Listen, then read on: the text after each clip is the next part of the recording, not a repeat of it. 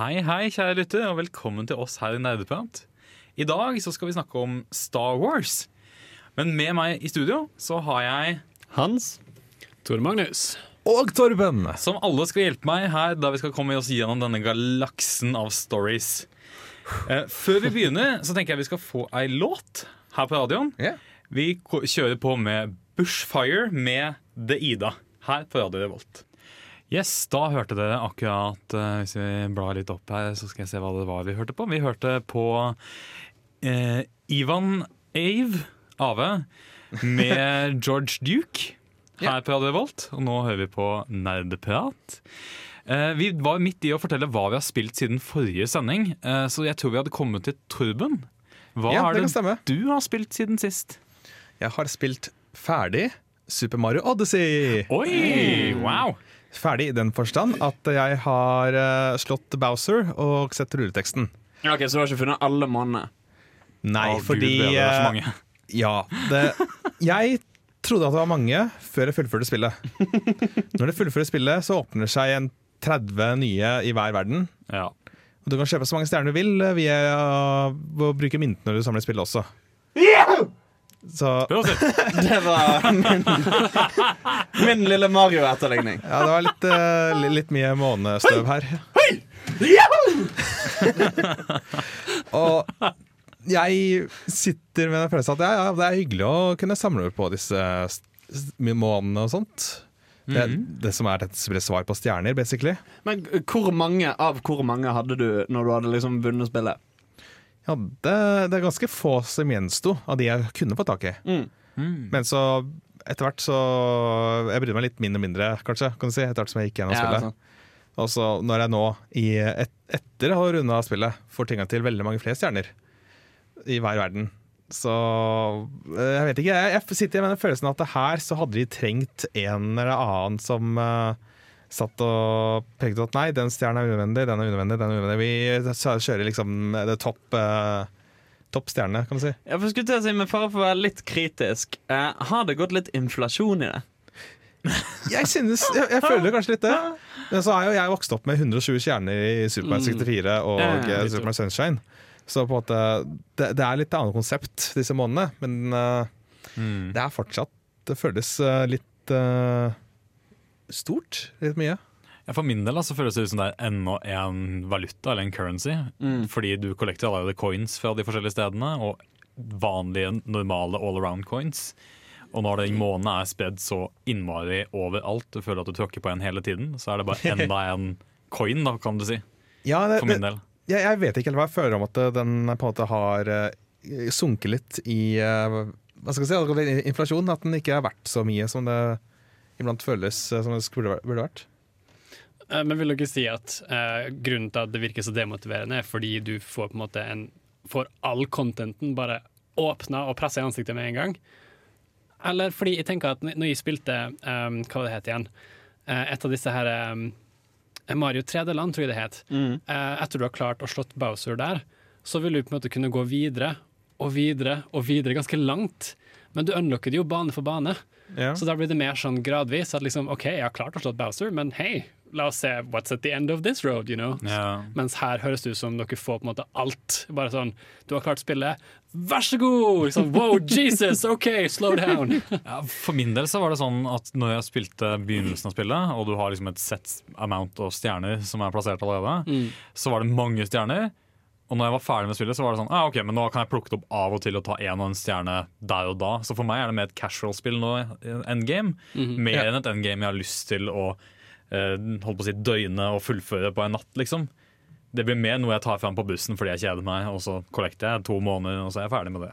Kanskje det er det de prøver å gå for, da. Ja, jeg Å vet gi ikke. det så For jeg, jeg, jeg at følte ikke at det var en sånn bang i ansiktet. i hvert fall Jeg følte ikke at det var en sånn en. Jeg tror det var mer var sånn Du har nå muligheten, vær så god, til Ja. å utforske og ha det gøy. Okay. For min del. da Ja, nei, det jeg tenker Det kan bli litt sånn the bane of the perfectionist. Fordi Ja, jeg kjenner ja, i det er hvert fall fra mine MMO-dager Så for de som spiller MMOs eller har spilt det, du blir aldri ferdig. Ja. Nei, Eh, og jeg har sånn Altså, når jeg spiller spill, da, så har jeg alltid hatt lyst til å klare alt så mye som mulig. Hmm. Perfeksjonist. sant? Og, og for meg å da spille MMOs er som å si farvel til fritid. Eh, fordi når du har gjort liksom, alle de questene, og det er en quest igjen, så er jeg ferdig med dette området, og så klarer du den questen, så unlocker den ti nye quests, ikke sant? Og du føler bare livet forsvinne ut av sjela di. Altså, det er jo en ting jeg kjenner jeg savner med litt sånn Holdt på å si enkle enkeltspillerspill hvor det bare er liksom en story, tar fem-seks timer å spille gjennom, og så er du ferdig. Mm. Altså Bioshock, for eksempel, koste jeg meg masse med, og så spilte det ferdig, og så yes! Ah. Ferdig, folkens. Snakkes. Ja. Ha, ha det, Bioshock. Det var gøy mens det varte. Rekker vi å spørre hva du har spilt? Vi rekker en kjapp hva jeg har spilt. Eh, jeg har uh, Jeg har spilt Arkan. Uh, yeah. Survival-dinosaurspillet. Fordi jeg drev og dabla litt med å streame. Eh, og så har jeg vært litt sånn at a loss på å prøve å finne noe spill å streame med andre. Så jeg tenkte ja, hva kan jeg spille aleine nå, som er relativt interessant, og det skjer nye ting hele tiden som jeg ikke trenger å passe på. Ark. Jeg blir drept av dinosaurer 24-7. Jeg blir spist helt til jeg kommer til et visst level-nivå, så det var åpenbart interessant. Fikk en del som så på det, så det var gøy. Mm. Ellers så er det Overwatch som alltid. Og så Siden sist så har jeg for så vidt også spilt Minecraft. Fordi jeg var med i en spillkonkurranse på Spillekspo. Ja. eh, der jeg eh, battla med andre tolvåringer og en 30-åring og litt sånt som bygde ting i Minecraft. Så var det om å bygge kulest og mest originalt content. Så hva tror du jeg bygde? En Eh, borg. A meat grinder? Nå, en borg. jeg bygde en middelalderborg, for det er det jeg har gjort de siste åra. Vil du si det trygt å si at eh, du brukte litt mer innsats på dette enn kanskje de andre gjorde? Det er veldig trygt. Jeg brukte tolv timer, som var fristen. Wow. Så jeg satt seriøst uten å flytte meg fra datamaskinen i tolv timer strekk og bygde en borg som var så svær og så mye deler at det var helt jævlig. Jeg bygde til og med en fungerende by inne i borgen. eh, Med trading og slaver og hele sulamitten. Så ja, jeg brukte altfor mye tid, jeg tok det altfor seriøst, og det var ikke verdt en tusenlapp som jeg vant. Men jeg fikk penger. Hey, better than nothing. Yes, Men da skal vi kjøre en låt. Nå får du The Wombats med 'Lemon to a Knife Fight' her på Radio Revolt. Da skal du få Nerdenytt her på Nerdeprat. Og med oss i dag så har vi Tor Magnus som nyhetskorrespondent. Har vi? Ja, vi har det! Å, dritkult! Hvor er den? Hvor er den? Backis! Da kan du egentlig bare ta over, du. Ja, nei, gjerne. Uh, som eh, dere sikkert har fått med dere i spillnyhetene i det siste, folkens, så har det vært litt uh, bråk. Vi skal snakke litt om Battlefront 2-bråket. Oi, oi, oi. Um, litt hawaiiske myndigheter som også har vært ute og anklaget lootcrate-ting. Vi skal høre litt om det nye Journey-spillet, som faktisk har fått litt footage. Eh, snakke litt mer om net neutrality og et monster i Bloodborne som ingen har sett før. Men eh, vi starter med å snakke litt om mikrotransaksjoner, for å lede opp til uh, the big thing. Uh, fordi eh, mikrotransaksjoner er jo en stor greie i nesten alle spill i dag. Altså, dere nevner jo Overwatch. Det er mikrotransaksjoner overalt. sant? Lootbox-generasjonen, som det blir sagt. Og et analysebyrå, eh, Keybank Capital Markets, eh, har sagt gjennom eh, den amerikanske nyhetskanalen CNBC at de syns spill spillere syter for mye når det kommer til kostnader til Altså at det koster mye å betale for disse mikrotransaksjonene, og mener at spillere egentlig betaler for lite sammenligna med andre ting, som medlemskap til Eller abonnement på film, eh, musikk og andre sånne ting på nettet. da Og kommer ut med formler for at hei, dere betaler egentlig mindre, så slutt å syte. Spørsmålet mitt der blir med en gang betaler, altså Hvis vi betaler et abonnement på en film-streamingløsning, Netflix. så, ja, Netflix, yeah. så kan vi se hva faen vi vil. Vi har alle valgmuligheter for de penga. Men hvis du. Akkurat. kjøper en fuckings lootbox Jeg veit da faen hva jeg får! Plutselig Hold får the jeg phone. drit. Det var jo poenget at Når du har Netflix, så betaler du ikke for hver jævla film. Men du betaler for hvert jævla spill i tillegg til disse fuckings Ja. transaksjonene. som er der. It doesn't make sense. Fordi eh, dette her er jo litt sånn eh, Folk er ikke helt enig, fordi Battlefront 2-skandalen. Å, herre, som ja. vi segway inn til. Um, det var en kommentar på Reddit fra EA da, om at rundt dette Darth Vader-styret. Fordi folk fant ut at for å kunne unlocke Darth Vader i Star Wars Battlefront 2, som eh, jeg tror kom ut nå den 17., um, så må du eh, betale sånn 60 000 in game credits eller noe sånt, en sånn in game valuta, eh, som folk har funnet ut vil ta mange mange titalls timer. De fant vel ut 40 timer per karakter du vil unlocke. Mm. Og hvis du har kjøpt spillet, så vil du gjerne slippe det. Un unnskyld meg, jeg har betalt 600 kroner for dette spillet. Jeg vil gjerne være Darth Vader. Kan jeg få lov å være Ja, Darth Vader, ikke please? sant? ikke sant? I stedet for at du vil liksom ikke betale 600 kroner for et spill og blir fortalt at ja, når du har spilt 40 timer, da skal du få lov å spille den karakteren. No! Fuck that! Um, så jeg tror uh, Ja, også denne Reddit-kommentaren da som uh, EA-folkene kom ut og skulle forsvare denne um, hendelsen med, da med at du måtte bruke så mange timer for å unlocke Darth Vader, har fått eh, mest dislikes av alle kommentarene på Reddit noensinne. Ja, det er ikke så rart. Um, den har fått over 120 000 downvotes, Mm. til sammenligning med en fyr som prøvde å få mest downvotes for lenge siden, eh, fordi han spurte om hvor mange downvotes kan jeg få på min kommentar, og fikk tilsvarende 24 000. Fy faen. Ja, Det er ganske sjukt. Da veit du du er upopulær. ikke sant?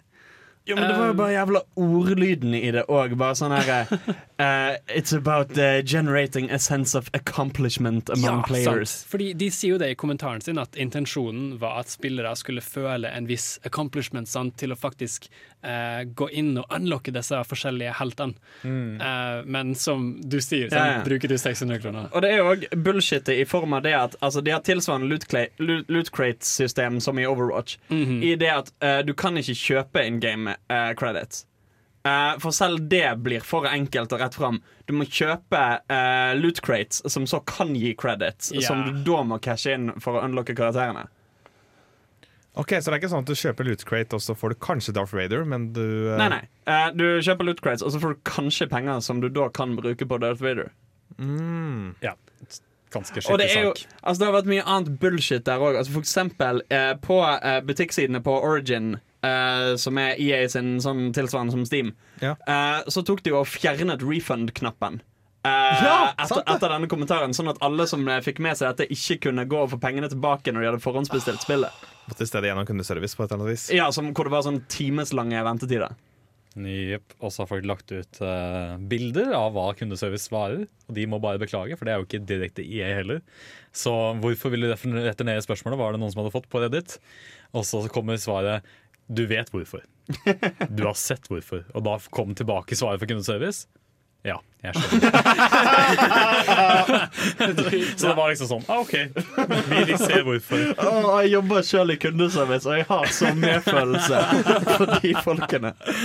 Vi skal snakke mye mer om EA litt senere i sendinga også, siden Oh, vi yeah. tross alt har Star Wars-sending. Mye begrunna dette spillet. Så yay, looking forward to that. Rekker litt til, eller? Du kan rekke litt til, altså. Spytte inn litt til. Fordi eh, vi sparer eh, the main cake til etterpå. Um, ja, gjør det.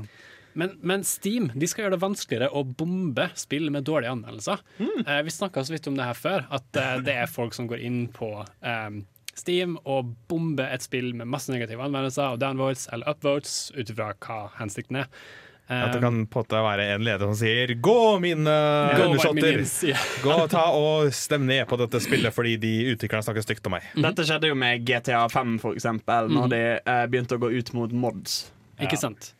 Eh, Men måten de skal gjøre det her på, da, er at eh, anmeldelser som kommer veldig tett på hverandre av, fra én spesiell bruker, vil bli på en måte mindre prioritert Ja. enn eh, anmeldelser som blir lagt til eh, med sånn sjeldent fra enkeltbrukere. Så er du en enkeltbruker som har kommet med masse anmeldelser, så vil de senere anmeldelsene ikke vises i eh, the final analysis. På en måte. Så, Eh, mens jeg som nærmest ikke har anmeldt et eneste spill, har uh, ganske mye influens. Ikke sant? You have the power. Mens disse folkene da som har anmeldt masse, de vil bli sensurert, mer eller mindre. Som er Og det, det, er jo, greit. altså det er jo fair nok, men jeg syns fortsatt det er viktig at en på en måte lar det veie litt tungt med brukeranmeldelser òg. Mm. For det er jo på en måte altså Utover liksom stemme med lommeboken, så er jo det det eneste liksom eh, tilbakekommuniseringen forbrukerne kan ha i spillverden. Absolutt. Absolutt. Og vise at yo, dette syns ikke vi er kult eller hipt. Kan dere please chille? Så eh, f- før vi går videre, så skal vi snakke mer om Battlefront 2-skandalen og hva som ble sagt av en US State Senator eh, fra Hawaii. Men eh, jeg tror eh, vi skal ha litt musikk eh, før det. Jeg tror vi tar en liten pause. Det vært veldig mye Star Wars, og det blir mye, mye mer. Oh, yeah. Men før det så skal vi ha Spielbergs med 'Distant Star' her på Radio Revolt. Bare, bare Egil står her. Eh, Du hører på Radio Revolt. Og du hører på Nerdeprat, og vi har enda flere nyheter, har vi ikke det, Tor Magnus? Vi eh, skal snakke om eh, litt mer av denne skandalen rundt Battlefront 2, og også det det er kobla til. eh, fordi det har vært en god del snakk om lootboxes eh, i det siste. Um, som Belgia blant annet har gått ut og sagt er gambling. Um, og det sier ganske mye. Greia var jo at dette, dette lootbox-fenomenet Jeg tror det ble starta ikke av EA. Eh, hjelp meg, Hans. Hvem det var som starta det? Altså det har jo eksistert i den formen lenge. Altså, et tidlig Ja. eksempel er jo for Team Fortress 2 hadde jo noe tilsvarende crates. Riktig, riktig. Eh, Ja. Counter-Strike Go uh, har hatt uh, crates. Mhm. Eh, for ikke å nevne hvor jævla mange mobilspill som har hatt tilsvarende greier. Mhm. Eh, så det har eksistert mye. Det som virkelig eh, brakte det inn i mainstreamen, er jo kanskje Overwatch. Mhm. Eh, som kom for uh, ja, rundt halvannet år siden. Eh, og da hadde disse lootboxene å fortsette denne Blizzard-greien fra Hearthstone eh, da med at det ser jævla fucking sexy ut når du åpner gjør Eh, hvor du får en sånn boks, og så trykker du på den, og så eksploderer han ut. Og så spretter det ut karakterer, og så får du først se liksom fargen på dem. Så du først ser hvor sjeldne er de, og så kan du se liksom hva av de sjeldne tingene er det jeg har fått. Eh, så det er mange sånn ledd, og veldig inn i en sånn spilleavhengighetsmentalitet. mentalitet Riktig, riktig. Eh, fordi, eh, som sagt, Belgia har gått ut og sagt at det er gambling, eh, og også eh, en politiker i Hawaii eh, har gått ut og sagt at this game is a eh, om, om Star Wars Battlefront 2, da. Uh, this game is a Star Wars-themed online casino designed to lure kids into spending money. It's a trap. Han måtte. Han måtte. Han måtte. Um, så altså, kommentarfeltene overalt har jo gått helt av staven nettopp pga. It's a trap. Det er fantastisk. hvor du har Admiral Akbar you know, i sin full glory. Um, og greia var jo at denne videoen her tok litt av. Uh, for jeg tror, ikke, jeg tror ikke denne videoen var ment å ta så av. Uh, selve Hva slags video? Uh, den om han hawaiiske politikeren som gikk ut Ah. og sa det. Uh, for den kom jo senere ut og fikk uh, publicity på Reddit, og han har også der kommet inn og på en måte forklart seg uh, om hvorfor de har lyst til å da steppe opp, uh, for hovedsakelig uh, å slå ned mot lootboxes. eh, som nå har fått ganske mye eh, negativ eh, kritikk eh, fordi eh, det går så mye penger inn i noe som du ikke veit hva du får tilbake. Sant? Altså, Ja. Hvis vi toucha innom her at eh, si eksempel abonnerer du på Netflix, så kan du benytte deg av hele katalogen eh, av whatever you wanna see, som Spotify videre. Mens i, med, med lootboxes så veit du ikke hva du får. Og Mm. jeg og du Steiner, snakka så vidt om det her før sending, at sannsynligheten for å få noe bra er egentlig ganske liten. Jepp. Det er uh, sannsynlighetsbasert av en grunn for at det skal være spennende og du skal føle deg stolt over å ha fått en sjelden ting. Ja, og at du kan spille utrolig lenge, men ikke få alle tingene engang. Riktig, Riktig, riktig. Du kan være så uheldig på den der eh, Mm. RNG-rollen, så det ender jo opp med å kanskje ikke få noen ting som er bra. Og det er jo en viktig ting òg det at når en tar disse loot cratesene, så er det ikke sånn at en blir glad uansett hva en får. Nei. Eh, det er en tydelig kvalitativ forskjell i de forskjellige tingene du kan få ut av disse boksene. Mm. Eh, så det er liksom al Altså, det er jævla sånn her corporate-greie med at det er i utgangspunktet kun de som tjener på det. Altså, du spiller mot huset, og huset vinner eh, mesteparten av eh, hendene, liksom. Mm. Så vi får se hva som skjer med fremtiden til lootboxes. Om uh, det systemet vil hamres ned på, noe som EA har uh, drept det. Uh, I hvert fall det folk sier på, på Altså, vi får se hvor lenge det varer, men det var jo en del som kjøpte spillet for det. Ikke sant? Ja, jeg kommer til å kjøpe det uansett, faktisk. Ja. Så mer om det etterpå. Eh, ja, det skal vi snakke mer om etterpå. Uh, vi snakka så vidt om Journey. Um, det nye spillet um, Sky eh, har fått litt eh, publicity nå. Eh, de har vist litt gameplay. eh, og sagt at dette skal være et spill som er mer hvor du kan spille med venner og familie. Fordi det var mye av feedbacken de fikk eh, når de ga ut Journey, at folk hadde lyst til å spille det med sine nærmeste, men du kunne jo bare spille det med en online-spiller. Og en som var tilfeldig. Ja. For det var litt av greia med Journey, at du, du, reiser, du, du la opp på denne reisen og kunne gjøre denne reisen med en tilfeldig person. Mm. Og som dere delte triumfer og, så, med, Mm. og prøvde å hjelpe hverandre gjennom. Så folk vil ha litt av den samme opplevelsen, bare at nå vil, de, eh, nå vil spillselskapet tilby det mer for eh, at du kan gjøre det med dine nærmeste, da.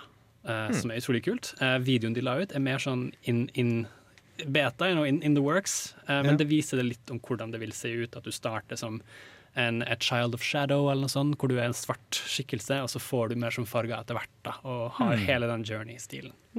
Koselig. Um, jeg vet ikke om vi rekker net neutrality, men jeg kan jo nevne at, uh, at Bloodborne, on another note, uh, um, har fått en discovery. Uh, det kom jo ut for lenge siden, men folk har funnet en fiende inni der som eh, de ikke visste var der. Eh, det var en fiende som ser litt ut som han der eh, Han Åh, hva heter det? Han eh, vaktmesterskikkelsen, hvis, hvis du har spilt det. Det er en fyr som går rundt, og hvis du møter på han, så kan han kaste det i en sekk. Eh, okay. det, ligner, det ligner litt på han. En veldig skummel fiende, bare at han har et stort flammesverd. Og, noe og folk hadde sett han i en trailer for lenge, lenge siden, men så var han aldri i spillet. Men nå har folk faktisk funnet han, sånn tre år etterpå. Men altså, Var dette snakk om at det er blitt patchet og sluppet nå, eller har han alltid vært der? Ja, det har alltid vært i gamekoden, uh, så vidt jeg har forstått det. Eh, men ikke i selve spillet. Eh, så det leder folk til å tro at hvilke andre monstre er det som er i koden, Ja. som ikke har blitt introdusert i spillet. Spennende. Så altså, data miners, man. Ja, de, finner ting. Hva er det de ikke finner ut? Ja, det er jo greie. Nintendo, for eksempel, jeg kjører jo med, med Splatoon både 1 og 2, at uh, de har masse innhold liggende på disken, men så låser de opp litt etter litt. Mm. For det sparer jo opplastningsnødvendighet. Ja. Ja. Men det gjør også at det øyeblikket de slipper en ny patch, så får, hiver jo disse kidsa over seg over uh, patchen og leser at oh, ja, ja, her har vi de våpnene og de våpnene, og det der kommer. jo ja. Ja. Før Nintendo rekker å si det høyt. Yeah. Syns det er gøy òg, jeg, da. Litt som å få lov til å åpne en pakke før jul. Yeah, ikke sant. Vet ikke hvor mye tid vi har. Nei, vet du hva? Vi kjører på med en låt, vi, så skal yeah. vi få ukas spørsmål etter låta. Eh, Her Right. får du Spark, Ivan Ave og Fie. Fie? Fie. Fie Med Fie. med I Know her på Radio Revolt. Ukas spørsmål må jo være Star Wars-relatert, siden vi tross alt har en Star Wars-sending her. Eh, Så jeg tenkte rett og slett å bare fyre av en ildkule med hvilken Star Wars-film er favoritten? Mm. Dam, dam, da. Jeg må jo nesten si eneren, da. Fordi Da kan Tor Magnus gå eh, hjem, Jar Jar og så kan vi andre fortsette sendinga. uh, Eh, så altså, Jar Jar, Jar Binks er jo, han er jo kulest, da. Hallo! Folkens, hvorfor dytter dere meg ut? Eh, eh, eneren- der det er sånn som Eneren episode én, altså ikke den første kronologen som kom ut, men den uh, prequelen. Ja, den, ja! Å, herre. Eh, Nei da. Vi kan begynne med Hans, da. Hva tenker du? Altså, jeg vet ikke. Hans Jeg, var det riktige svaret. Nei. jeg har på en måte to svar. Det er to svar, OK? Fordi den f- jeg liker best av de gamle filmene, er femmeren. Ja, ok. Mm. Eh, når de begynner på Hoth, eh, når de ehm, eh, flyr rundt med disse AT-AT eh, walkerne med de kjipene skipene og alle de tingene. Ikke? Plutselig har jeg ikke, klarer ikke å huske en eneste dritt som skjedde. Snowspeeders heter de gjerne som flyr. Snowspeeders, ja, ja. Når han reiser, treffer på, eh, tren, trener med Yoda og alt mulig. Eh, det er vel der han lærer at Darth Vader er pappaen. Mm. Eh, det er jævla mye kult som skjer. Jeg liker at det er på en måte den lille dippen i trilogien. At det går fra å være ganske positivt til å bli litt sånn skummelt. Kanskje ikke alt går så fint. Kanskje ting er på vei i litt dårlig retning. Mm. Eh, jeg syns selvfølgelig det er gøy å se hvor l klein begynnelsen er eh, mellom liksom Luke og Leia når Nei, vent, det er først i sekseren det avsløres at eh, han og Leia er søsken. Yep. Men det er fortsatt kleint. Det er fortsatt kleint, det er det. Mange sånne gøye detaljer. Men holdt på å si magefølelsemessig så må jeg kanskje være litt kontroversiell og muligens si The Force Awakens. Oi, OK. Kult. Fordi jeg husker de opprinnelige filmene jævla godt fra når jeg var liten. Ja. og så de sammen med pappa. Pappa kjøpte alle sammen på sånn VHS-boks. Ja. uh, og vi satt og koste oss med de. Eh, Eneren var den første jeg fikk på VHS, med Jar Jar Binks og, og sånt. Okay, så du, er- du er et produkt av dine omgivelser. Jeg skal slutte nå. Jeg skal ikke dømme Jeg skal akkurat si, Er du irritert for at vi fjerna Star Wars versus Star Trek-stikket? Siden Nei, vi ikke du, skal snakke om det i dag? Jeg kan ikke representere Star Trek lenger. Jeg har ikke fulgt med. Uh, sorry, folkens. Men Hans, jeg avbrøt det. Ja, altså, uh, da var det den jeg likte best. Ja. Men etter å ha sett det i etterkant, så merker jeg at det er litt sånn farget av uh, at det begynner å bli gamle filmer. Ja. Uh, det begynner å bli at en har vent seg til et annet filmspråk. Så rent sånn animalistisk, skulle til å si, ren magefølelse uten å tenke noe mer over det, så er det Force Awakens. For han er, han er kjappere. Uh, han er jævla fin. De har klart å modernisere estetikken som var i de opprinnelige filmene, på en god måte. det det, er, det føles veldig som den perfekte Star Wars-filmen de kunne lagd i dag. Eh, og altså, jeg syns eh, bare utover det, som en selvstendig film, fungerer den jævla bra. Du har karakterer eh, som har så sterke liksom, trekk ved seg at du blir kjent med dem nesten i det øyeblikket de kommer på skjermen. Eh, det er god historiefortelling. Altså Versus Rogue One, som var hot steaming pile of garbage. Um, så er det sånn Å, hei, jeg heter en karakter. Kan ikke du fortelle seerne litt hvorfor jeg er kul? Og så står hun bare der mens han andre sier sånn Å, du er kjempekul. Å, du er dødskul. I Force Awakens så lærer du hva slags folk eh, karakterene er, og jeg syns det fungerer dritbra. Det er fuckings mesterstykke i effektiv storytelling. Jeg tror nesten jeg må svare det samme. At Star Wars uh, The, The Force Awakens, Mm. uh, altså det nyeste, syveren, simpelthen fordi det er den eneste jeg har sett på kino. Ja. -hmm. Resten ble jeg interessert til av eh, Bård Reistad, tidligere Neideplater, oh, ja. som eh, hadde arrangert et arrangement i eh, kjelleren i kollektivet. Jeg bodde i samme kollektiv som han. Jeg òg bodde her. Yes. Eh, og han arrangerte et arrangement for eh, de som ikke har sett Star Wars før. Hvor vi kunne få sett eh, den originale trilogien. Å, det er en så typisk Bård-ting å gjøre. Og hvor vi skal slippe å høre sånne som folk se, som har sett det tusen ganger før og bare Å, å, å her kommer min Ja. Følg med nå. Følg med nå. At du skal slippe å få den der, men bare nyte det.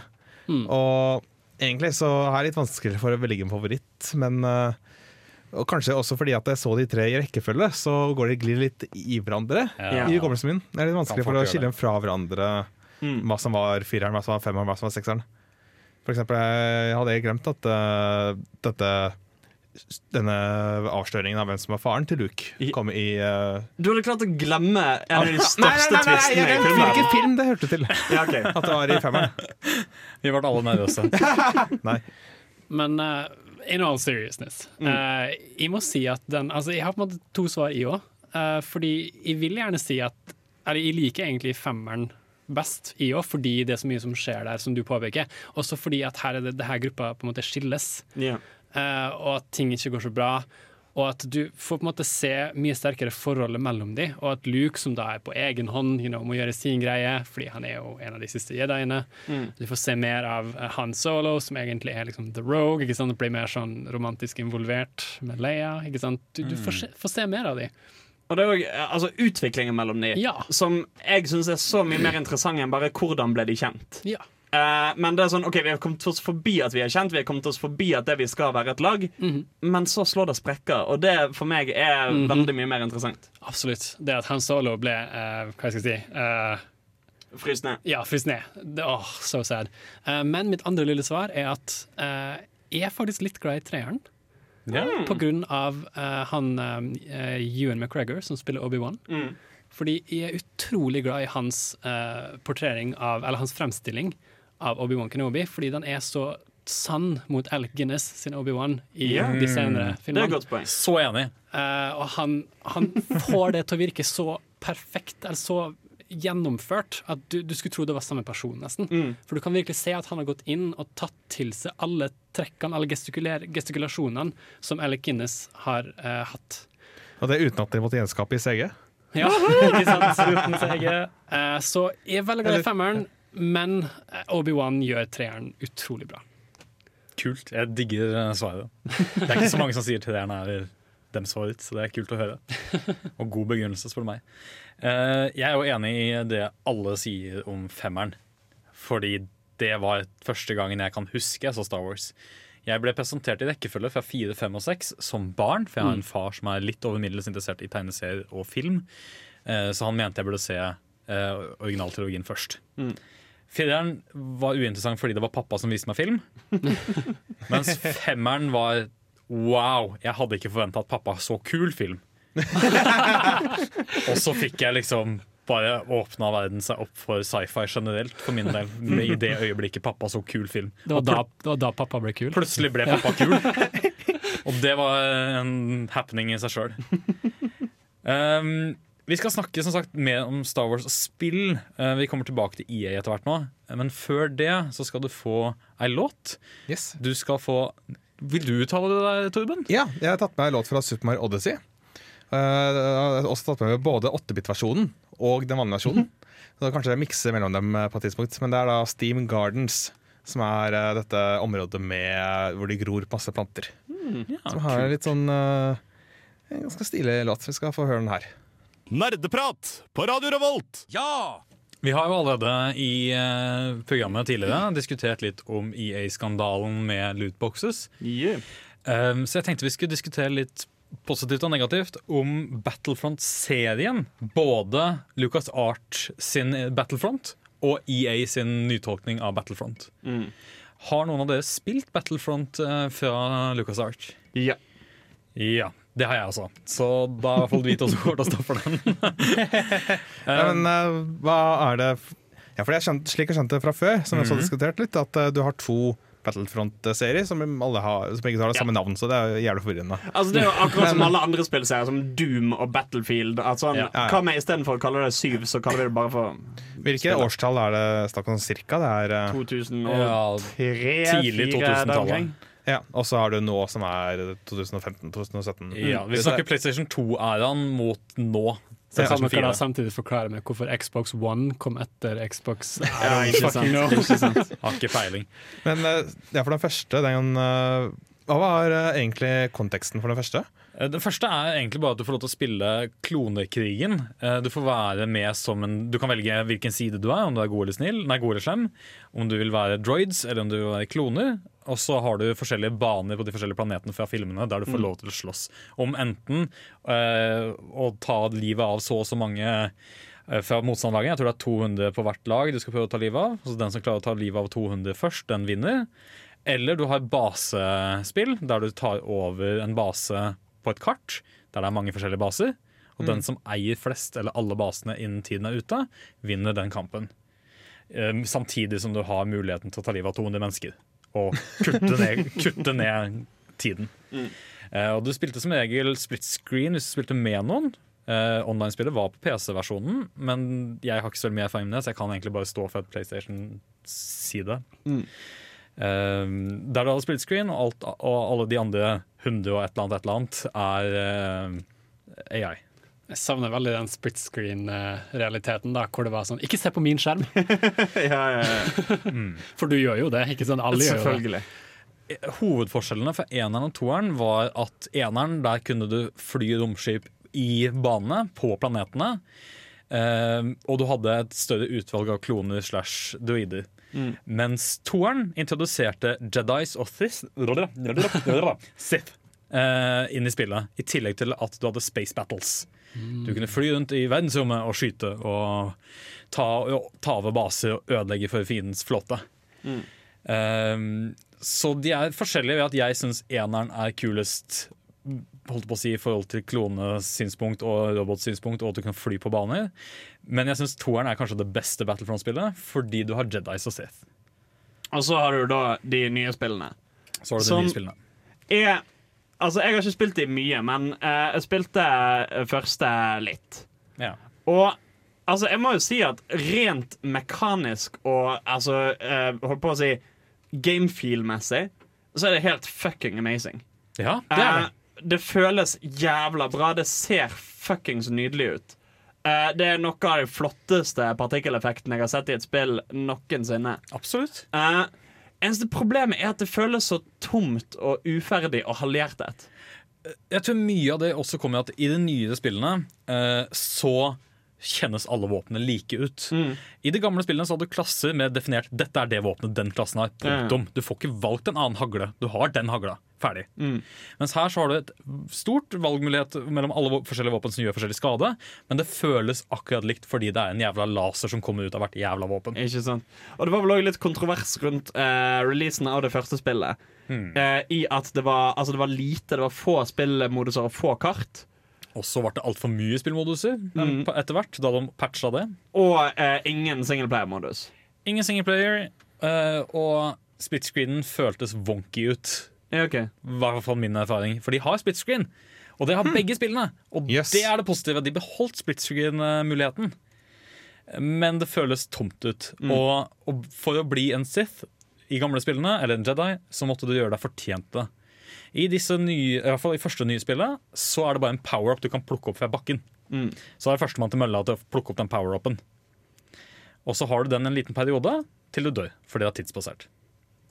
Mens i det andre så kunne du leve så lenge det var mulig hvis du var god nok til å fortjene å være en Jedi eller en Sith. Og i det nyeste nå som skal, skal komme, slash har kommet, så er det jo lootboxer som Ja. bestemmer hva slags valgmuligheter du har innenfor Sith og Jedi og alle helter. Men det er jo Altså, hold på å si Det er jo et produkt av andre tider òg. Ja, ja. Eh, fordi de første Battlefront-spillene føles helere, syns jeg. Men det er jo òg et resultat av på den tiden så måtte en regne med at når en slapp et spill, så var det produktet en slapp. Mens i dag så er det jo eksempel veldig vanlig med day one-patches. Eh, du slipper spillet, og så Ja, forresten, her er en kjapp fiks vi klarte oss sammen fordi at vi har et jævla press på å få sluppet dette så fort som mulig. Nettopp. Fordi at uh, du, må, du har en versjon som går til trykkeriet, Mm. og det skjer gjerne flere måneder før uh, faktisk release. Ikke sant? Og det, det tror jeg spesielt EA har brukt litt som, en, som støttehjul i utviklingen. At de har tenkt at jo, men vi bare får det ut, så selger vi masse, og så sier vi vi fikser det opp seinere, og så satser vi på at det ordner seg. Ja, for det var som, mye, I hvert fall eneren så føltes alt så halvferdig ut. som Mm. du sier, ved at eksempel, Hvis du skulle fly et, et romskip, så var det den standard crossfade-animasjonen til Star Wars-filmene. Det, det var ikke at du gikk inn og satte deg i et nei, det var sånn swipe. Det var en swipe-effekt, Mm. og så var du plutselig i lufta. Ja, men det er litt gøy. Jeg synes det var litt sånn, eh, men Det er litt gøy, men det føles litt som OK, folkens, vi har ikke klart å ferdig animasjonen. Hva gjør vi? Hva gjør vi? Vi må få dette ut nå. Swipe! Ah, oh. det, er derfor, det er derfor vi har deg, Steinar. Fy faen, gi den mannen en lønnsøkning. Vi sveiper. Ferdig. Slipp. Men også mitt store minus til, til første Battlefront fra EA Men- var at Ja. det, det føltes ikke ut som en krigssone. Det føltes ikke ut som klonekrigen. Nei. Det var åpent. Det var masse detaljer i verden som var fantastisk, men det var ikke noe folk der. Det var ikke noe krig. Plutselig så dukka det opp en fyr. Bang, han er død. OK, neste. Det høres ut som du beskriver Battlefield. Ja, Jo, men og det, og det føles òg mer kaotisk, syns Ja. jeg. Altså, Nå er det lenge siden jeg har spilt Battlefront, men jeg husker i hvert fall en viss følelse av at eh, du had, endte på en måte opp med litt sånn oppdeling av kartet. Hvor var det noenlunde trygt, og hvor var det farligere? Hva er vår sone, hva er fiendens sone? Eh, og det liksom baserte litt hvordan du bevegde deg, og hvor liksom fokusert du måtte være. Mens i eh, nye Battlefront så er det litt sånn eh, Jeg kan vel bli snipet hvor tid som helst. Og der var en fin. Oi, oi, oi, oi. ja, det er mye. Jeg skal, vi skal diskutere mer Star Wars-spill generelt eh, etterfulgt etter en låt og en liten pause. Så akkurat nå så får du Ace Waters med 'Forest of Mystery' her på Radio Volt. Hei og velkommen til oss i studio. Nå så skal vi snakke litt mer om eh, litt andre Star Wars-spill også. For jeg lurer litt på en ting til i studio her. Hva slags Star Wars-spill har folk her spilt? Oh, uh, altså, jeg har ikke spilt Battlefront, som dere snakka en god del om. Men da jeg var yngre, så spilte jeg veldig mye Rogue Squadron på GameCube. Eh, det er her du flyger rundt i skipene og liksom gjenbesøker diverse hendelser fra filmene. Uh, 4, 5 og 6 specifically. Uh, og it goes pew pew, you know, du skyter ting, og så vinner du. Jeg tror det er beste forklaringen jeg har hørt i hele mitt liv. Det har vært at det er sant. Jeg husker ikke så mye av det. Det er det som plager meg. Ah. Det er så lenge siden jeg spilte det. Eh, men det er liksom denne kampen på Hoth, ikke sant, hvor du skal skyte beinet på denne AT-8-en. ikke sant? Mhm. AT-AT, ja, whatever. Mm. Den store tingen som går, som Luke Atat. skyter opp. Ataten. Um, vi gjenbesøker de, for eksempel. Og så kampene eh, rundt om dødsstjernen, eh, hvor du flyr ned denne skyttergraven, nærmest, Ja. eh, og skal skyte den eh, missilen, eller f- torpedoen, eller Noe sånt. Jeg husker ikke hva det heter, eh, men det er ikke så viktig. Eh, du gjenbesøker de oppdragene, eh, og det er ganske gøy. Ikke så gøy når du dør, men når du vinner, så er det kjempegøy. Eh, utenom det så har jeg også spilt litt eh, Star Wars N64 Racer Aha. Ja! på N64. Det er podracing-spillet. ja, Å, det var så gøy. det var veldig gøy. Jeg spilte på PC, vel å merke. Var, det på, var det på PC også? Uh, ja. Aha. Uh, det var en PC-port til det. Det var dødsgøy. Uh, og da er det jo òg sånn at du kan spille som alle de andre dustene. Eh, de der rare små aliensene. Altså, du kan ikke kun være Anakin, liksom. Ja, du kan være masse rart. Så da sitter du og Altså, altså det, det minner mest om eh, Hva er det der eh, Nintendo eh, F-Zero? Ja, ja, Zero. Helt Eh, klart. helt veldig klart. de vibbene hvor du bare kjører bånn gass eh, rett på hele jævla tiden. Eh, og så er det bare om å gjøre å komme seg fremst, og selvfølgelig i god podracing så kan du krasje litt godt inn i motstanderen òg. Oh, yeah. så får du underveis liksom oppdateringer på en liten skjerm med hva, hvor du har skadd ditt eh, kjøretøy. Eh, og må liksom bruke det for sånn Greit, da krasjer jeg kanskje med en litt annen del av meg neste gang jeg skal prøve å ta ut motstanderne. Ja, nei, det er kanskje det startspillet jeg har hatt mest lyst til å prøve. Mm. Sånn eh, Fordi det eneste jeg har prøvd av Starspill, var en gang lenge før jeg hadde sett Star Wars.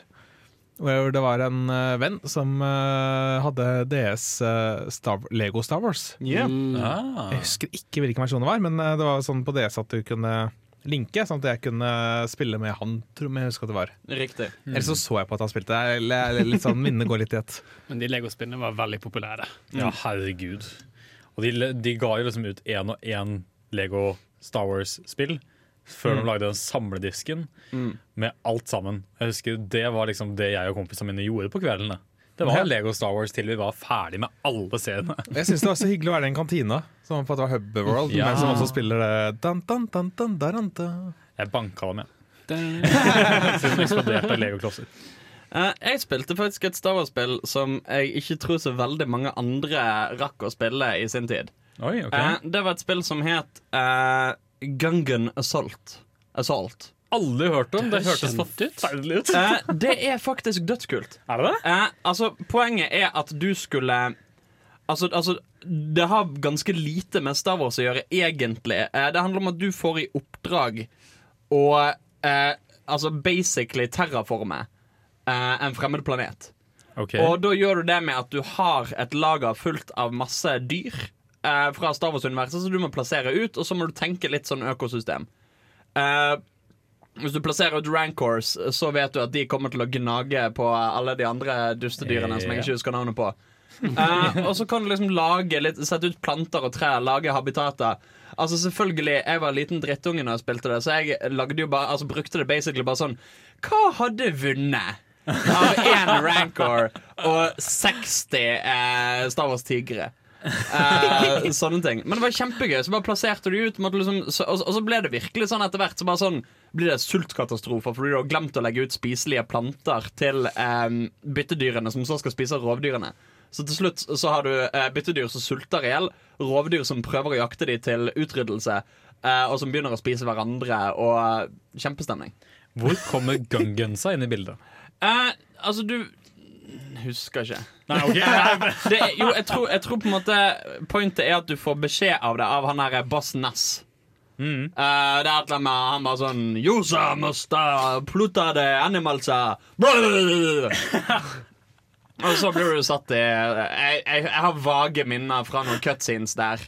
Uh, hvor jeg tror de basically hadde funnet litt ting fra filmen som de klarte å shoehorne inn i et slags plott her. Er det noe vi skal snakke om hvor et forferdelig dårlig valg Jar Jar Binks var i den Du har hatt Phantom litt lyst til å snakke om Jar Binks i hele kveld, du. Jeg har veldig lyst til det. Ja, Trekkies, ass. Skal ta opp Jar Binks. Ble. Men jeg er jo ikke tracky lenger. Jeg kan jo ikke representere Star Trek lenger. Jeg har Altså- ikke fulgt med. Kan jeg si helt ærlig Hvor fuckings ille er Jar Binks egentlig? Han, han er omtalt til å være et veldig Jo, men- dårlig tillegg til filmen. Fordi, altså, jeg har tenkt Sånn litt sett. Altså, dette er en avsporing nå. eh, men Helt klart. Det er det ved et annet tog. jeg har tenkt litt i forbindelse med prequelsene og prequel-hatet som er der ute. Uh-huh. Så slår det meg at det er jo egentlig ikke så jævla dårlige filmer. Og mye Det er av det de blir kritisert for, fins det jo veldig mye av i uh, de andre filmene òg. Altså, Så, har du noen eksempler? Eh, For eksempel Jaja Binks eh, kritiseres for å være en sånn eh, kun eh, comic relief character som bare er der for å gjøre dumme liksom, slapstick-gags og sånn. Men der hadde du Ewoksene i treeren òg. Eh, altså, du, det kryr av sånne gøye små detaljer. Altså, hvor jævla kommers var ikke de første tre filmene? Hvor jævla mye leker ble ikke laget av de første tre filmene? Det var ikke så veldig rart med tanke på at det var det Lucas Art, eller George Lucas i seg selv tjente penger på. Ja, ja. Det var jo Ja, for det var poenget Er det ikke en eller annen story der med at han sa OK, greit, jeg driter i royalties, men jeg vil ha alle merchandisene? Ingen ville lage filmene hans. Eh, Så måten han klarte å få gjennom produksjonen av filmene, var å si at hei, dere tar alle penga for filmene, jeg tar alle penga for alt av eh, T-skjorter og ekstra merchandise. Og det tjente han jo Ja, vi vet jo hvem som vant eh, det. Poenget er at disse tingene fins veldig mye av i de andre filmene òg. men jeg tror det bare er på en måte et resultat av at eh, Altså folk er vokst opp med de opprinnelige filmene. Eh, og de som vokste opp med de opprinnelige filmene, pushet de på vår generasjon. Altså jeg, Pappa fikk meg til å se eh, de første filmene før vi gikk og så eh, de nye filmene på kino. Eh, som da blir at det er det første Star Warsen vi har et forhold til, og da blir dette bare en dårlig etterligning. Og selvfølgelig så har du valid kritikk mot storyen, at det ikke er noe hovedkarakter. Eh, det egentlig ikke er karakterer, det er bare folk som sier ting. Eh, og mye sånt. Men det blir jo på en måte bare Er det grunn til å hate en film så jævla hardt som folk gjør? Nei, det er jo ikke det. Uh, men jeg er enig med at den får utrolig mye hat. Uh, ufortjent, vel å merke, vil jeg også påpeke. Originaltanken var vel at de trengte et comic relief Uh, i disse filmene for å catche opp med kidsa. Ja, ja. De, de og, gjør og jeg, jeg skjønner at det var det som funka. Jo, men vet du hva? Ok, Annen kontroversiell påstand. Dette er fuckings barnefilmer. Er det en påstand? Uh, altså det, det virker sånn, fordi folk Ja. er sånn Hva gjør dette barneinnholdet i min voksenfilm som handler om folk som har superkrefter i verdensrommet? Å, gud. Al altså Det er litt den innstillingen folk har. ja, det er det. Hvorfor er ikke denne filmen laget akkurat for mine preferanser? Nettopp. Er det ikke lov å mislike en film? Nei! Hæ? Alle filmer er bra, Jo, uansett altså- innhold. Når Jo da, jeg jo var jo kid, likte jeg Jar Jar Binks. Ja, altså, I agree. Ikke- Jeg, jeg vil ikke Ja. Jo, jeg syns han var gøy. Han var Jeg synes det var kjempemorsom Når han stakk tungen inn i uh, den der uh, podracer-greien og fikk støt. ja. Og så gikk han rundt og bare Dødsgøy. Comedy gold. Tenkte jeg når jeg var seks, fordi at seksåringer er idioter. Men jeg vil nesten si at R2D2 var mye kulere enn Jar Jar Binks. Jeg bare nevner at nei, skal ikke vi snakke om uh, spill, da? oh, ja, faen. Sorry. Fordi vi har liksom mer her. Knights of the Old Republic. Nights of the Old Republic. Dritbra. Og det, og det er sånn eh, Altså det sier jeg uten fnugg jeg av nostalgi. Jeg spilte ikke det når det kom ut. Jeg spilte det først i eh, den snaue alder av 19 år. Jeg òg var noe sånt da første gang jeg plukka opp eneren. På en kjip eh, For for øvrig jævlig dårlig PC-port eh, som ligger på Steam, som, eh, hvor det er egne Altså hundrevis av sånn workshop-tråd med sånn Hvordan få dette jævla Ja. drittspillet til å fungere. Men når det først fungerer, skikkelig bra. Så er det et fantastisk spill. Fordi, fordi Nights of the Old Republic Det var knytta opp mot The Old Republic, online-spillet. Motsatt. Motsatt. Ja, The Old Republic ja. kommer etterpå. Ah, okay, okay, okay. Eh, altså, altså, det, altså, det er altså en ny story som foregår tusenvis av år før eh, filmene vi har sett. Gotcha. Jeg tror nesten vi må ta enda en stikk der vi snakker mer om Star Wars-spillet. For det varte veldig mye film her. Men før den tid så skal dere få ei låt. Uh, Torben, vil du presentere låta du som har valgt Ja, ut? dette er litt i samme gate som det vi hørte før pausen her. Men det er fortsatt Ace Waters, men han har laga mer musikk. Han har, laget, han har en Zelda-måned. Så vi skal nå få høre hans eh, versjon av eh, Sarias sang Song her på Radio Revolt. Ja, da var vi tilbake igjen. Vi skal ta opp tråden igjen på diskusjonen vi hadde om spill i Star Wars-verden. Fordi vi holdt på å si tok et annet tog, en annen retning og begynte å snakke om filmene. Som var for så vidt helt greit. Uh, Altså, Vi er ikke fremme for å snakke film, selv om det, det er Nei, ikke film det her heller. Men uh, og i hvert fall ikke med tanke på at uh, det snart nå er en ny Star Wars-film som kommer. Å ja, når, ja, når Hvilken, hvilken da? Det er nå til den trettende? oh, du ser på meg, jeg burde kunne 13. det. desember. Femtende? Jeg blir nervøs. Jeg kan det ikke, jeg burde kunne det. Det blir gøy. TM googler Last Jedi kommer ut 13. desember. Hey! Yay! Som blir veldig spennende, der vi får mer svar på hvem Ray er. Vi får endelig se Luke gjøre noe annet enn å snu seg. Jeg syns også Star Wars eh, Rogue One uh, Eller Rogue One er Star Wars Story, unnskyld, eh, var en spennende film. Jeg var ikke noen fan. Nei. Jeg vil påstå Jeg likte den, jeg likte den veldig godt. Men kan, kan vi snakke om den? Uh, Vi kan godt jeg snakke skal om den. ikke ta over toget Nei, nei. og bare gå rogue. Det er en Choo-choo, we're going up the rails! Choo-choo, motherfucker! Altså, det er en Star Wars-sending um, som liksom skal dekke både spill, det nye EA-spillet og de nye filmene som kommer. Så jeg Ja. syns egentlig det er helt greit Ja, men da, la oss Fordi- snakke om Rogue One! One. oss. Eh, For jeg vil jo argumentere at Rogue One altså, Vi har jo så vidt touchet om det her før, Hans, at jeg liker ikke at de plukka opp eh, og begynte på en syvende film, fordi jeg føler at eh, det, den blir som en hermegås av eh, det tidligere. Eh, mens Rogue, filmer sånn som Rogue One, eh, som på en måte forteller det som skjedde innimellom, sånne avsporinger, jeg syns at det hjelper mer på å fylle ut et allerede perfekt Å, univers. jeg er så lite enig. um, for det første, for å ta det siste poenget ditt først. Sure, sure. Jeg syns det er bullshit at en univers blir større fordi du får flere detaljer. Uh-huh. uh, jeg syns tvert imot det er motsatt. Uh, jeg, Harry Potter-universet ble mye mindre for meg når JK Rowling begynte å tweete om at eh, Å ja, forresten, den karakteren som ble nevnt i en bisetning, endte opp med å bli sammen med den karakteren, og nå- har nå fått den jobben med de. Eh, når eh, siste kapittel i Harry Potter-boken er sånn Ja, forresten, alle du vet om giftet seg og fikk unger, så de kalte opp etter alle de andre karakterene. Eh, det gjør det mindre for min del. Et av de liksom Jeg, jeg synes et tegn Altså Det som får noe til å føles stort for meg, er at det er ting vi ikke vet. Er at det, det er en følelse av at det eksisterer en verden her utenom det vi får lov å observere. Eksempel i Mad Max Fury Road Så finnes det en historie bak hver jævla bil. Eh, alt har en story. Alle har navn. Men det får vi ikke vite. Uh, jævla rare detaljer som noen styltemennesker som går ut i en myr. De har ingen forklaring i filmen, de bare er der. De, det fins en forklaring, men vi får den ikke. Og det gjør at det føles større. Game of Thrones føles stort. Fordi Der òg prøver de å fortelle en eh, bakhistorie, men det er med vilje lagt opp til at den bakhistorien skal være mangelfull. Det er ting vi ikke vet, det er ting som har gått tapt i historien. Det får det til å føles levende. Ja, for jeg mener å huske å ha hørt eh, Jeg har ikke sett de tre, første, de tre prequelene Mm. til eh, Star Wars. Men jeg har hørt at noe av det som eh, Jeg har hørt andres meninger om at eh, noe av det de gjorde feil, kanskje, var at de prøvde å forklare The Force. Ja, yeah. Og de prøvde å forklare alt. Ja, Midichlorians. Uh, og det, det ble ikke gjennomført ordentlig. Nei. De bare introduserte det, men de tok Det det var ingen vei. Det var det som var problemet Ja. for min del. Altså, jeg, tror, på en måte, jeg tror poenget med Midichlorians var at de skulle prøve å Altså, altså De måtte finne en unnskyldning for hvordan kan du måle at noen Altså gi et Ja. tall på at noen er sterkere enn andre. Ikke sant? Og det svaret de ga, var at alle har midichlorians i seg, som er harmløse parasitter. Eh, som har en symbiotisk effekt med mennesker fordi at de kan eh, påvirke the force. Mm. Eh, og jo flere midichlorians du, har, jo sterkere force powers har du. Som er litt sånn hardfast, bare så de kan si 'it's over 9000'. ja. Eh, på folk, liksom. Så poenget mitt er Et univers blir ikke større fordi vi vet mer. Et univers blir større når det gis inntrykk av at det fins ting vi ikke vet. Og det er den motsatte effekten Rogue One hadde. Det er en uviktig del av historien. Vi, vi har ikke lært en dritt nytt. Vi har blitt kjent med noen Eller jeg sier vi har blitt kjent med noen karakterer Vi har blitt fortalt om noen karakterer som vi så ble vist litt. Eh, gjorde ting som Jo da, for så vidt. Det, nei, det stemmer ikke helt det du sa. Hun er ikke så Hun oppfører seg ganske fint, syns jeg. Du sto der og bablet om hvor rebelsk hun var. De bruker 15 minutter på en jævla introscene som heller ikke forteller oss en jævla drit om hovedpersonen. For eksempel, i The Force Awakens åpner med Ray. Eller det åpner ikke direkte med Ray, men når vi møter Ray for første gang, så ser du hun klatre rundt. Hun sier ikke et ord de første fem minuttene.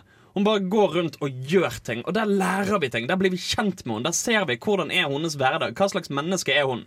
Vårt første møte med uh, Babidi Booby, hun er hovedpersonen i Rogue One. Uh, hun heter ikke Babidi Booby. Uh, vårt første møte med hun Uh, annet enn at hun er en unge som løper, er at en fyr sitter og sier 'Å, du er så kul og rebelsk, for du har gjort dette, og du har gjort dette, og du er sånn, og du er sånn'. Vi blir fortalt hva vi skal synes om henne. Huh, var det så mye gitt exposition? Ja, jævla mye. Det er tell, don't show, for faen. Det er jo ikke gøy. Da husker jeg det helt feil. da Eh, Ja, jeg, jeg var Det ikke så syns særlig ikke er så gøy. Jeg sier ikke at, jeg sier ikke at Rogue One ikke hadde gode elementer. Altså Han ser jævla fin ut. Eh, han har den samme, samme gode estetikken som eh, Force Awakens hadde, med at de klarer å modernisere den opprinnelige estetikken på en kul måte. Uh. Uh, Battlescenene var dødskule. Mm. Sett vekk ifra at jeg ga en blank faen i alle karakterene. Uh, men det så jævla bra ut. Darth Vader-scenen var dødskul. Eh, men han ga meg ingenting. Det var, det var et tomrom av en film. Riktig, riktig. Nei, fordi Det du påpeker der om å bare bli gitt eksposisjon, det er jeg enig i. Det liker ikke jeg heller.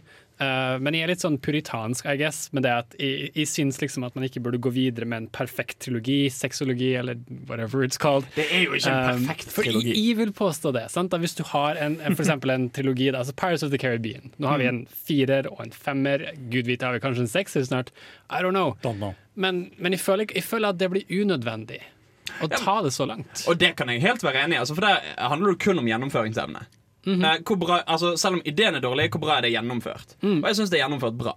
Jeg syns de har funnet en interessant måte å videreføre historien på. Det blir en smakssak. Det blir en smakssak. yeah, det, det er det er kanskje det syns. vi kommer ned til. Jeg tenker Hvis du har den innstillingen, da ville jo jeg heller sagt OK, greit, drit i opprinnelig trilogien overhodet. Lag en story 1000 år før, 1000 år seinere, som er satt i Star Wars-universet, men som ikke har noe som helst med det å gjøre. For eksempel. Det hadde vært veldig spennende. Jeg har lenge sikra på en story der vi får Old Republic. Ja, ikke sant? For det hadde vært eksempel. gøy. Det hadde vært dødskult. Apropos Old Republic Ja. og spill. Eh, du sa du hadde så vidt spilt uh, Du hadde spilt Old Republic, sa du før, uh, før vi slutta. Old Republic spilte jeg Jeg spilte et par timer. Ja. Jeg kom et stykke på vei, og så møtte jeg en liten sånn her Oi, nå ble det plutselig Nå må jeg faktisk planlegge litt. Og Ja. det ble litt vanskelig plutselig, og da gadd jeg ikke mer. Online-spillet. Nei, nå snakker vi om Nei, nei. eh, Nights of the Eh, Night. ja, altså, altså Det er rollespill. BioWare-rollespill. Jeg har bare Et av de, oh, The Old Republic. ja, ja, etter de tidligere, så du ser virkelig sånn Å ja, dette ble Mass Effect av, ja. Stemmer, det var her det begynte. Eller det begynte vel strengt tatt med Baldur's Gate, kanskje. Ja, det det. Men still. Altså, jeg syns det spillet er fantastisk fordi du igjen du føler at du kan lage din egen verden ut av det. Og du kan ta og takle det på hvilken som helst måte du vil. Om du vil bli slem, så er det dine valg som påvirker deg. Det er dine valg som sier hvor sterk du vil bli innenfor kraften, om du vil bli en Jedi, eller om du vil bli en bounty hunter, eller hva du vil. da Ja, ja. Du har hele verden av Star Wars-universet der, så utforsk hva du liker. Og det likte jeg òg med at du må ikke være jedi. Nei, nei, du må ikke. det, det, det, du kan bli det hvis du vil, og jeg ble jedi, for jeg tenkte nå det er det jeg skal gjøre. Men det var et valg jeg fikk. Ja. Eh, Jeg kunne liksom ta Fuck it, denne lightsaberen legger jeg i hyllen, og så går jeg videre og skyter folk istedenfor. Absolutt. Og du kunne velge å være nøytralt på det, i midten. Ja, ja. Du kunne gjøre Altså, hva de du har- så å si. Altså, det var jo holdt på å si Det var tidlig ute med sånn uh, moralitetssystem. Ja. Og det bærer jo preg av det i det at det er veldig binært. Uh, det er veldig sånn Enten skal jeg uh, gå rundt og samle kattunger og kysse de og være fin og glad, eller skal jeg drepe bøttevis med spedbarn. Eh, det er liksom de moralske valgene en får. Det er litt synd. Du hadde spilt online-spillet. Det vil jeg gjerne høre litt om. Hvis du klarer å fortelle Har vi nok tid? Hvis du har kort historie, så har vi et minutt på oss. Uh, ja, jeg er jo ikke ferdig etter det. uh, jo, nei, sure. Uh, jeg har spilt det litt. Eh, jeg likte det veldig godt. Men jeg tror kanskje det kan spares til en annen gang, for jeg tror ikke vi har mer tid. Hvis du sier det så. Jeg tenkte jeg hadde 20 sekunder i tillegg til låt, men da så, da så. Ja, men vi har da i hvert fall snakka om Star Wars i lange og det korte. Både med EA-skandalen og lootboxes, og fått diskutert det litt. Så har vi også fått snakket om litt hva vi syns om filmene, og hvilke filmer vi setter pris på i universet. Samtidig som vi har fått også diskutert litt om andre spill enn EA, eh, Helvete og Battlefront. som jeg syns har vært veldig gøy å høre deres vinkling på. Eh, neste gang så skal vi ha Game of the Year-sending. Vi har ikke bestemt oss for tidspunkt ennå, men følg gjerne med på vår Facebook-side, der vi vil oppdatere det underveis. Ja, For nå er det eksamensperiode, så vi skal øve til eksamen heller Ja. enn å snakke på radio. Nå må vi nesten skjerpe oss litt her. men det er ikke den siste sendinga. Skal vi ikke. Nei, å, siste for alltid? Nei, det er det ikke. Nei, altså, vi skal jo ha en Game of the Year-sending. Ja, ja, jeg sa det. Jeg følger ikke med. Sorry. Men for nå så skal dere i hvert fall få Tampa Impala med List of People her på Radio Volt. Det var veldig koselig å ha dere med i sendinga vår om Star Wars. Og så håper vi vi får dere til å høre på oss igjen. Ja. Ha det bra. Ha det!